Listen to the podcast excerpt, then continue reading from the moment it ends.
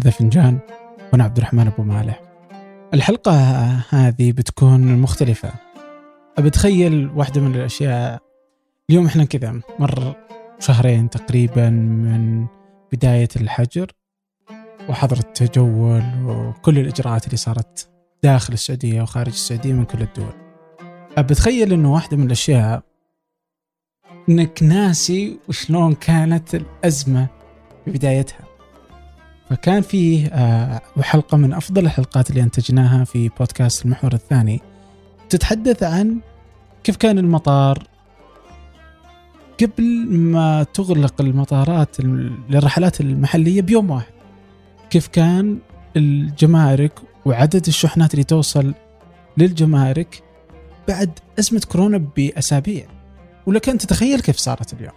البودكاست يتكلم عن حركة التجارة داخل السعودية آه، مع كثير من الجهات. يعني كان التصوير في الرياض وفي جدة كان هناك آه، مشاركة من آه، الجمارك مطار الرياض الميناء وكذلك الصحة. الحديث في هذه الحلقة ممتع واحدة من أفضل الحلقات كما ذكرت التي أنتجناها في بودكاست المحور الثاني. هذه الحلقة اخترناها أن تكون هذه حلقة الأسبوع. أتمنى أنكم تستمتعون بها وتستطيعون تجدون حلقات أكثر إذا كنتم مهتمين بمجال الاقتصاد والأعمال على بودكاست المحور الثاني. في أي من تطبيقات البودكاست التي تستمعون لهذه الحلقة من خلالها.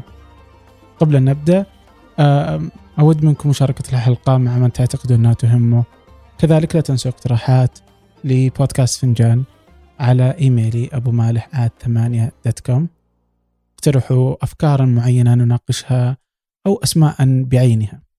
تودون أن تروها وتسمعوها على بودكاست فنجان. أما الآن أترككم مع الوليد. لو كنت موجود في مطار الملك خالد خلال الأسبوع اللي راح أكيد راح تلاحظ شيء مختلف في المكان. شعور المطار المعتاد الزخم والإزعاج والأعداد الضخمة هالشعور ما هو موجود اليوم. كنا نوصل بالنوبه الواحدة مقارب ال 4000 راكب يعني خلال ثمان ساعات. الآن ما توصل ألف. يعني العدد قل بنسبة كبيرة. هذا منصور التويجي أخصائي جمركي في الصالة الدولية بالمطار. منصور يتكلم عن ملاحظته لإعداد المسافرين المتناقصة خلال الأيام الأخيرة سواء في القدوم أو المغادرة. ومنصور ما كان يدري إن هالأعداد بتنقص أكثر وأكثر. لأن بعد هالمقابلة بكم يوم تم إغلاق السفر الدولي من وإلى المملكة لمدة أسبوعين. والسبب؟ طبعا هو فيروس كورونا.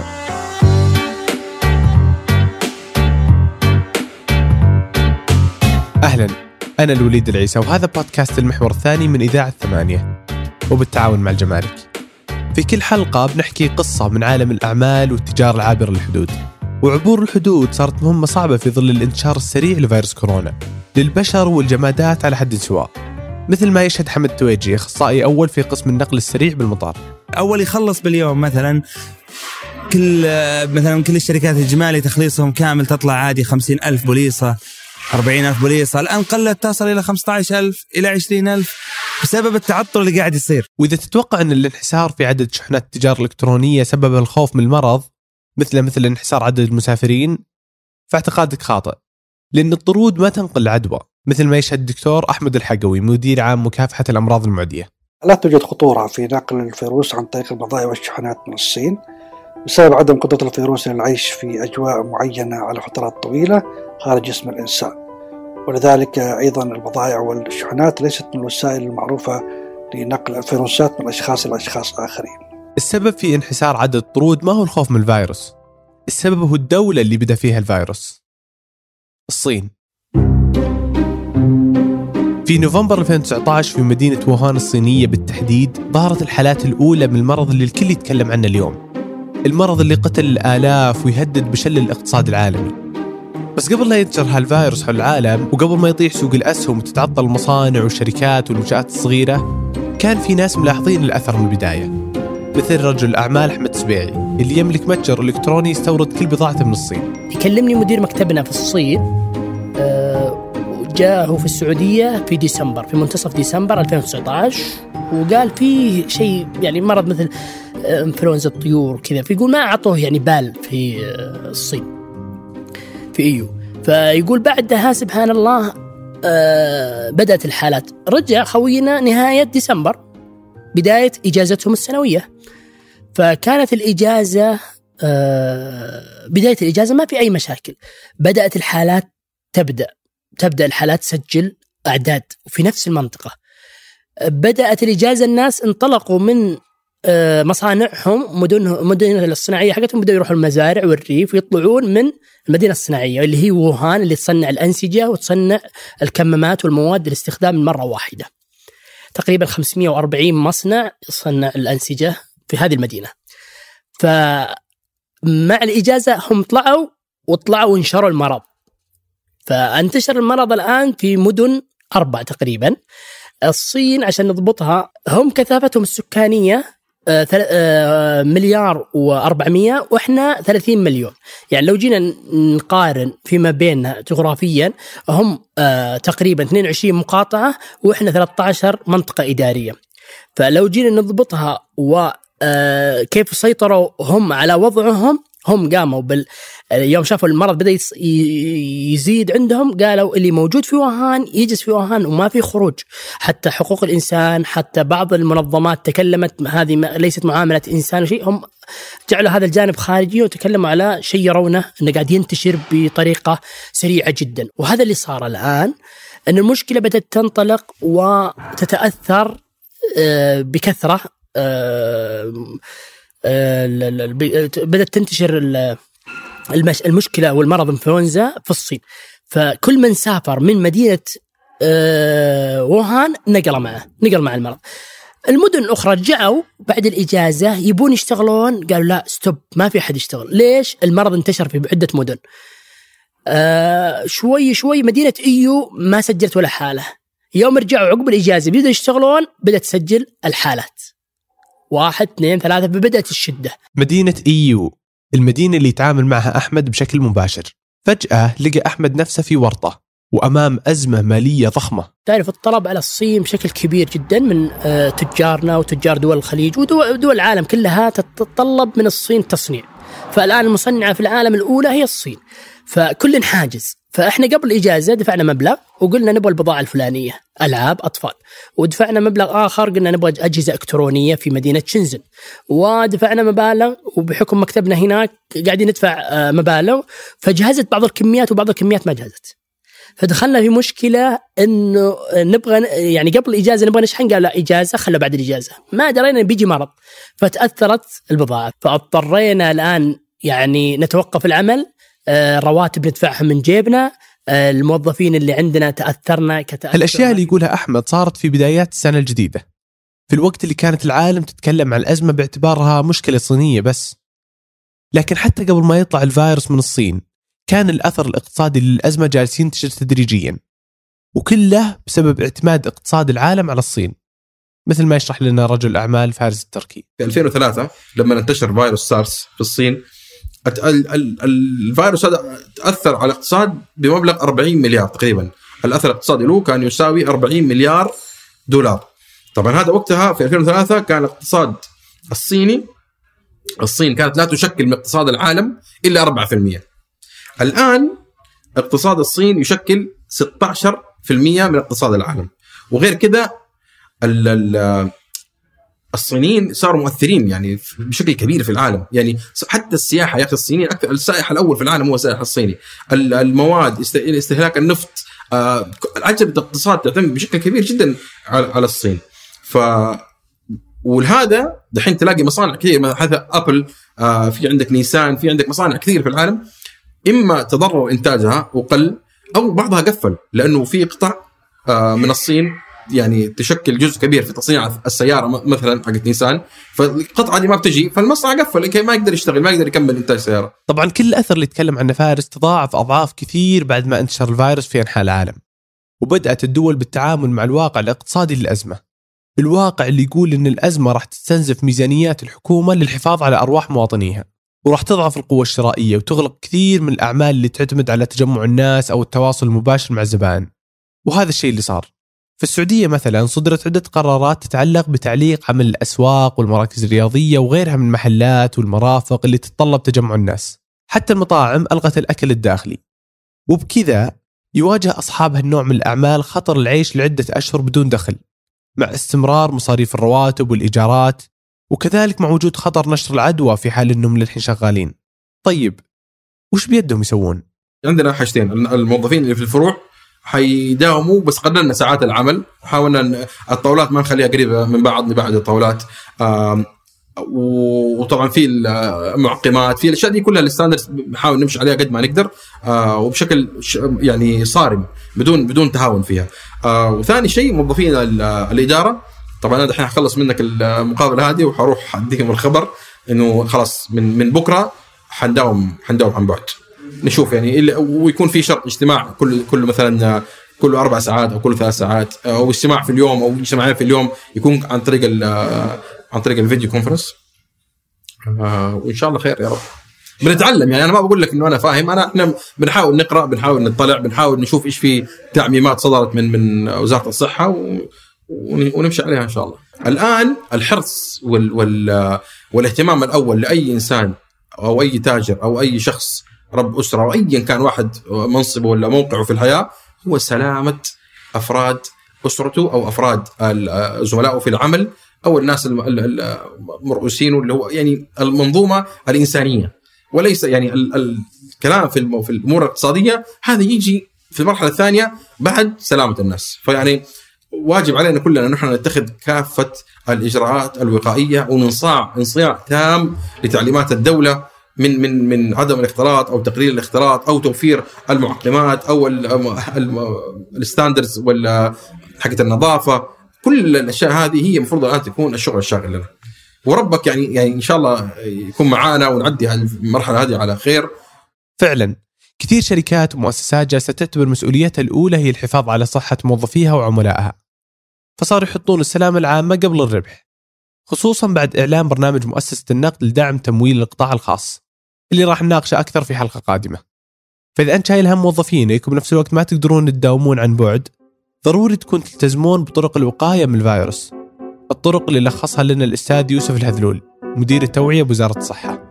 رقم واحد المعلومة آه ليست شيء بسيط تأخذه من أي مكان أو تأخذه من رسالة واتساب بتجيك آه آه من واحد عن واحد عن واحد مجهولة المصدر. آه أخذ المعلومة من المكان الصحيح. هذه أهم من أهم الرسائل.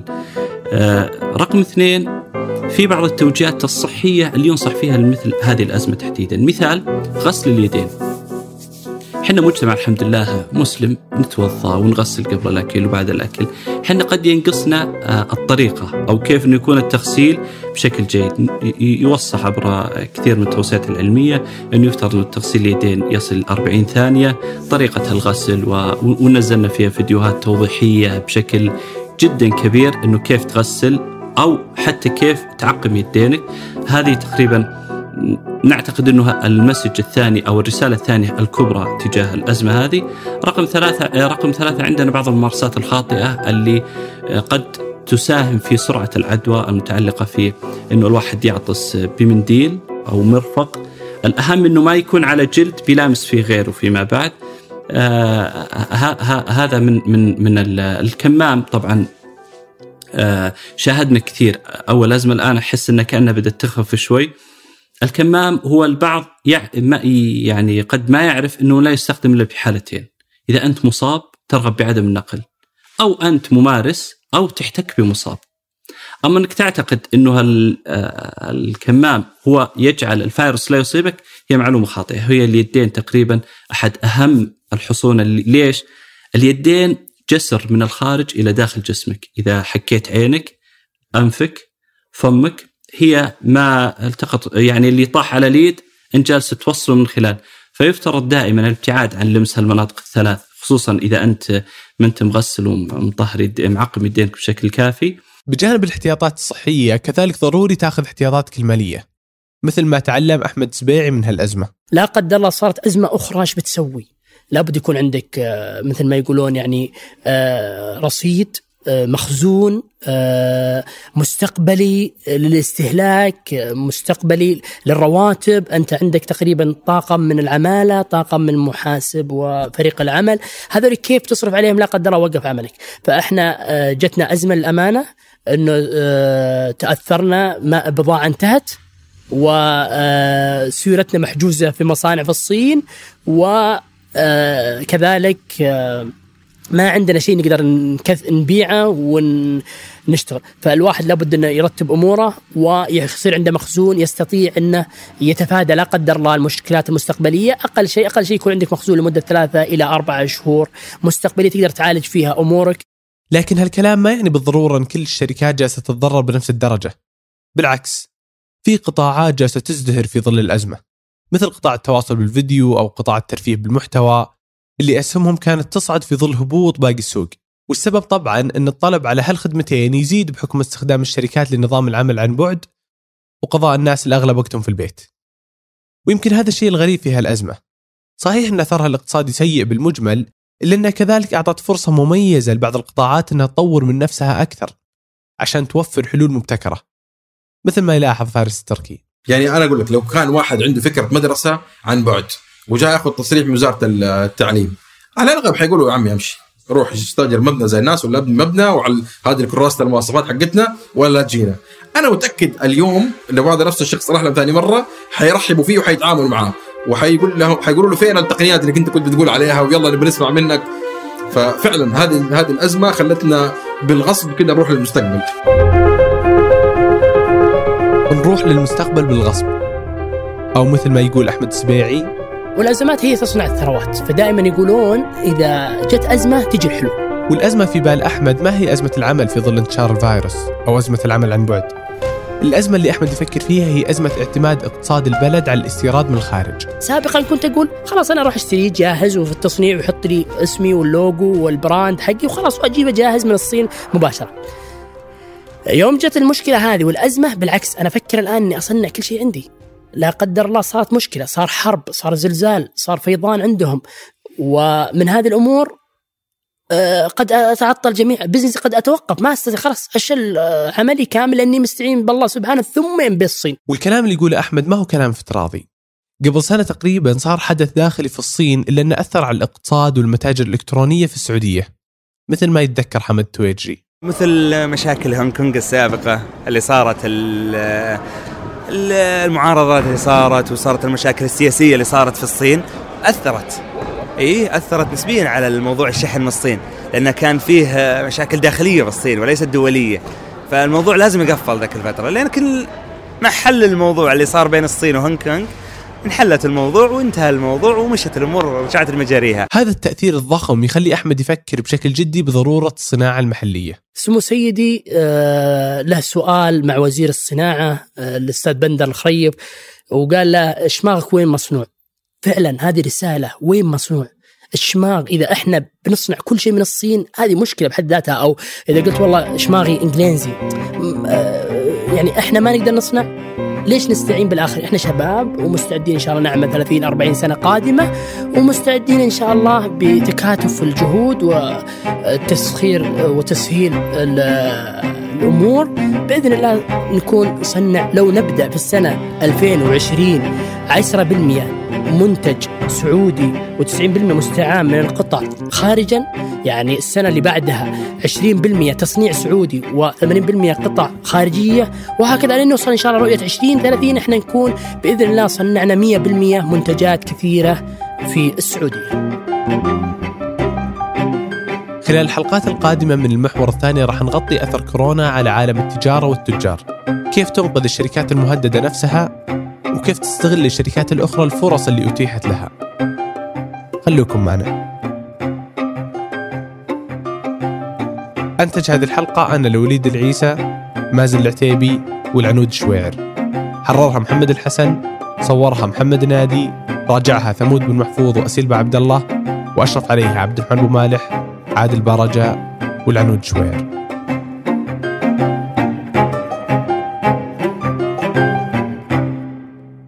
شكرا لكم شكرا لكل من عمل على بودكاست المحور الثاني. إذا عجبتك الحلقة فقط اشترك في بودكاست المحور الثاني وهناك عدة بودكاستات ننتجها في إذاعة ثمانية سبع برامج بودكاست ننتجها في إذاعة ثمانية. تستطيع البحث بثمانية في أي من تطبيقات البودكاست وستجد كل برامج البودكاست التي ننتجها.